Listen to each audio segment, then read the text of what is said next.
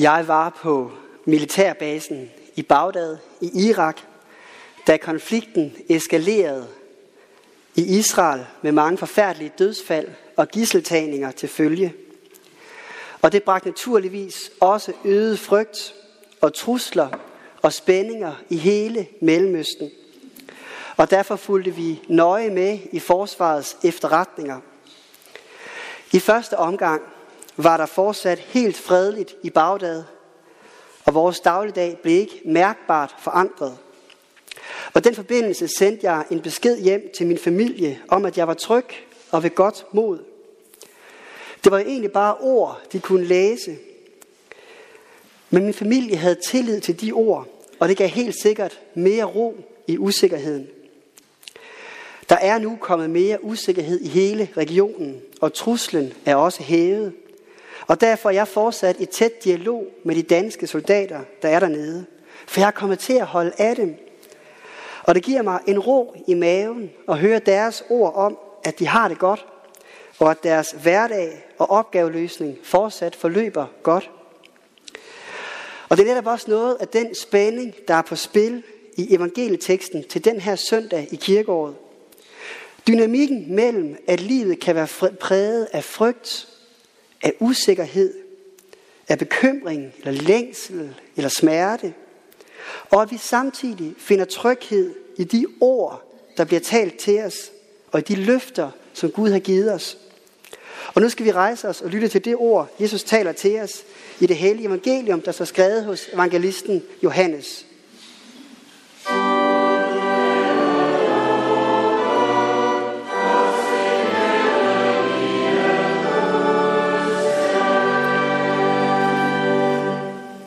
Jesus kom nu af der til Kana i Galilea, hvor han havde gjort vand til vin.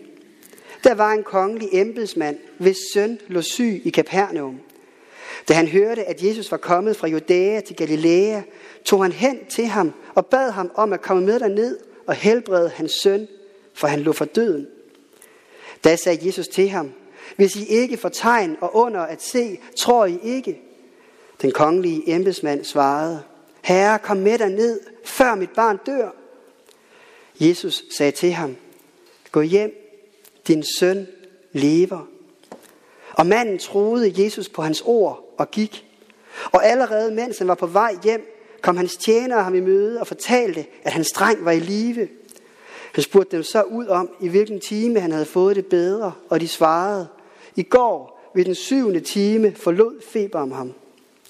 Der forstod faderen, at det var sket netop i den time, da Jesus havde sagt, din søn lever, og han og hele hans husstand kom til tro. Amen.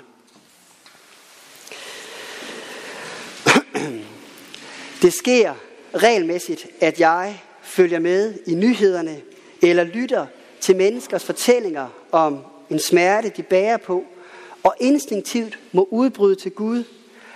Hvad i alverden er meningen?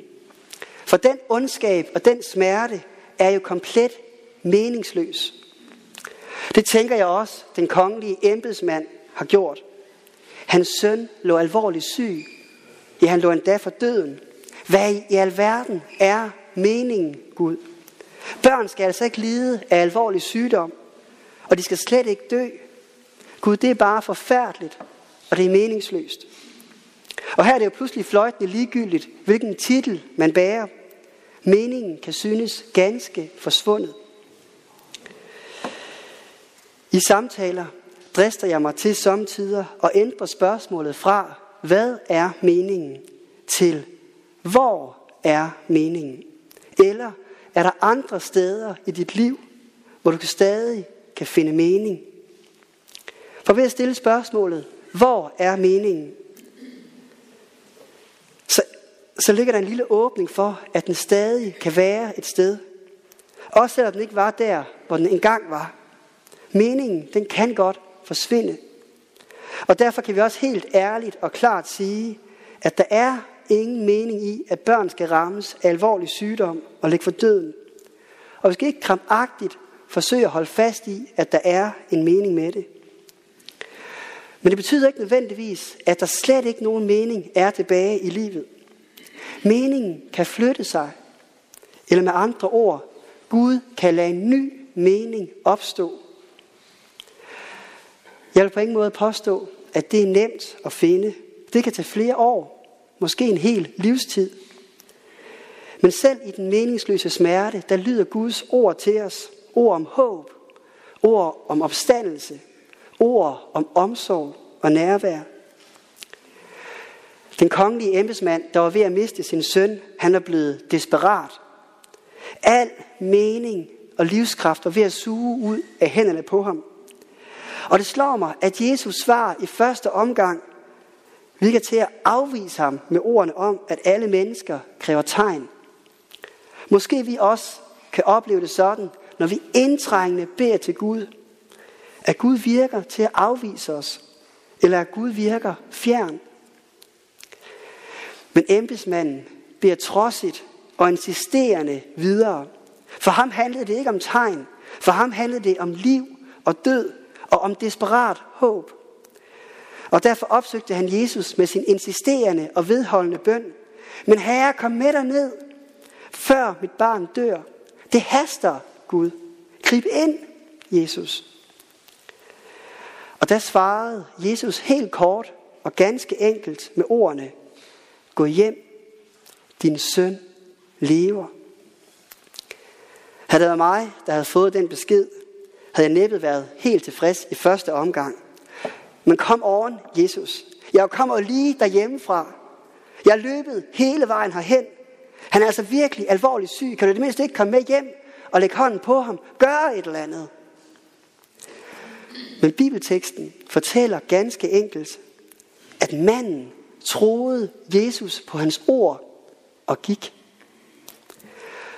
Og jo mere jeg har reflekteret over netop den sætning, jo mere klart står det for mig, at den sætning på mange måder udgør en overskrift for det liv, jeg ønsker at leve med Gud.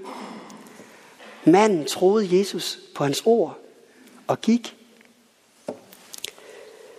Der blev ikke nødvendigvis svinget med armene over det syge sted eller råbt høje bønder.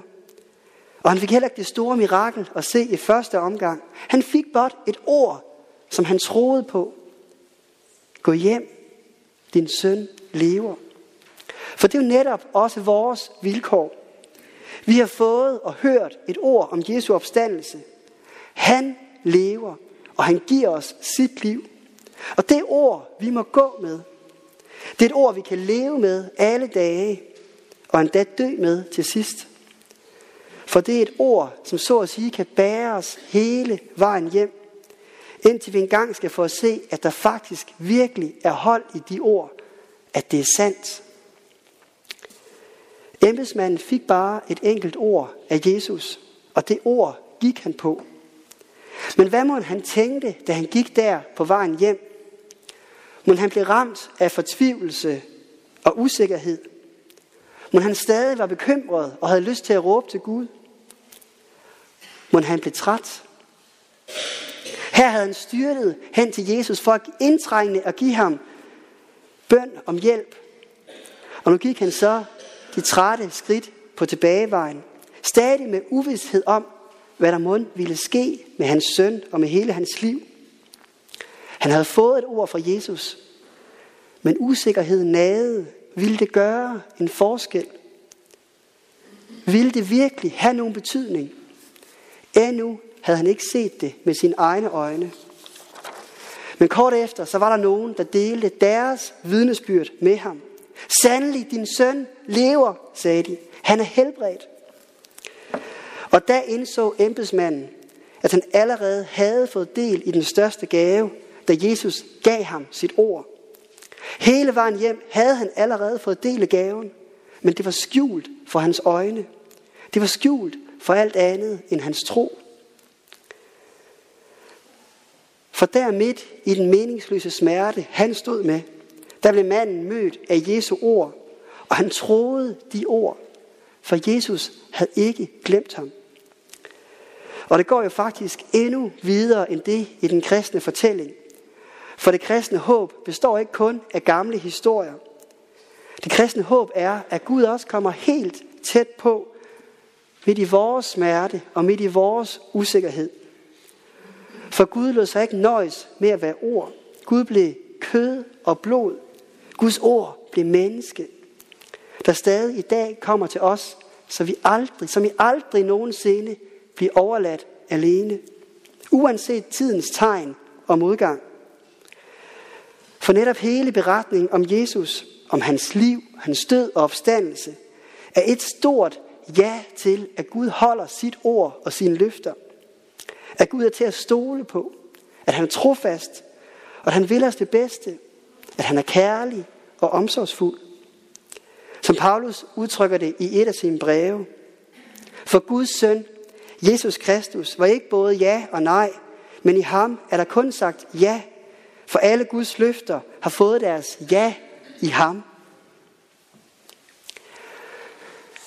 Som præst, der kan jeg ofte føle, at mine ord, de slet ikke slår til. At mine ord er alt for små. Eller at mine ord slet ikke gør nogen forskel for den voldsomme smerte, som et menneske kan stå med. Og jeg længes efter større tegn. Jeg længes efter tegn, der vil mane enhver tvivl til jorden. Og jeg længes efter at se Guds godhed besejre al ondskab og meningsløshed i vores verden. Og derfor bliver embedsmandens tillidsfulde reaktion et forbillede, jeg forsøger at række ud efter. Manden troede Jesus på hans ord og gik. For Guds ord er ikke tomme ord. Ordene kan måske synes små, og vi kan have svært ved at forstå dem. Men rigdommen og dybden er så stor, at jeg aldrig blev færdig med at grænske over det.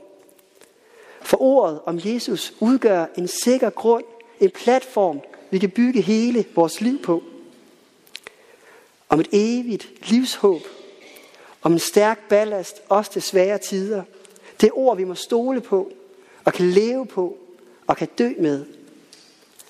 Finder vi så dermed vupti en mening med det hele? Nej, det tror jeg ikke nødvendigvis, vi gør. Embedsmanden måtte også tage mange skridt i uvidshed. Det var først, da embedsmanden nåede hjem, at han så sin søn være helbredt.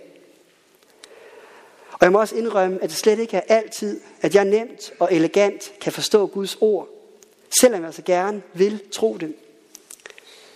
Samtidig fremstår Guds ord og Guds planer som meningsløse veje, jeg ikke har lyst til at følge. Det blev på en særlig måde også tydeligt ved en international gudstjeneste som den her, hvor der lyder mange ord, vi ikke forstår, på sprog, vi ikke forstår. Og derfor bliver jeg faktisk altid lidt overvældet, når vi lytter til bibellæsningen på forskellige sprog. For det minder mig om, at Gud virkelig taler mange sprog. Også mit sprog. For Gud forstår vidderligt alle mine ord, også når jeg ikke forstår hans ord. Så jeg beder Gud, vil du også tale dit ord til mig. Tal til mit hjerte. Tal til min forstand. Tal, så jeg kan forstå det. Tal det, så jeg kan gribe det i tro. Og nogle gange får vi vidderligt lov til at opleve mirakler, ligesom embedsmanden. Det er glædestrålende, når det sker. Men de fleste af os må vente, til vi kommer hjem til Gud. Men for mig er det afgørende, at jeg har et ord med fra ham, der har al magt. Et ord om, at han elsker mig. At han har frelst os. Og at han altid vil os det bedste. Og det ord kan vi gå på hele vejen hjem. Så gå der frit, en hver til sit, og stole på Guds nåde. For der får vi lyst og lykke til at gøre gavn, som Gud det vil. På allerbedste måde. Lad os bede sammen.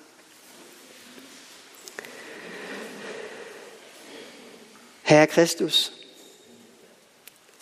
tak at du er levende, og tak at dit ord lever i blandt os. Herre, gør dit ord virksomt og nærværende og klart i vores liv. Tal din sandhed. Tal din kærlighed ind i vores liv. Og vis også os hver især, hvordan vi kan bringe dit vidnesbyrd videre. ligesom tjenerne til embedsmanden mødte ham med deres vidnesbyrd. Ja, Herre, giv os dine ord og frimodighed til at dele dem med andre.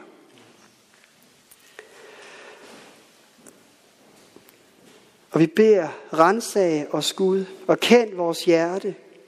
Prøv os og kend vores tanker. Se efter, om vi følger afguds vej, og led os af evighedsvej, af din vej. Lad dit ord være en lygte, der lyser for vores fod. Og vi priser dig, Fader, Søn og Helligånd, du som var, du som er, og du som forbliver en sand treenig Gud, højt lovet fra første begyndelse, nu og i al evighed. Amen.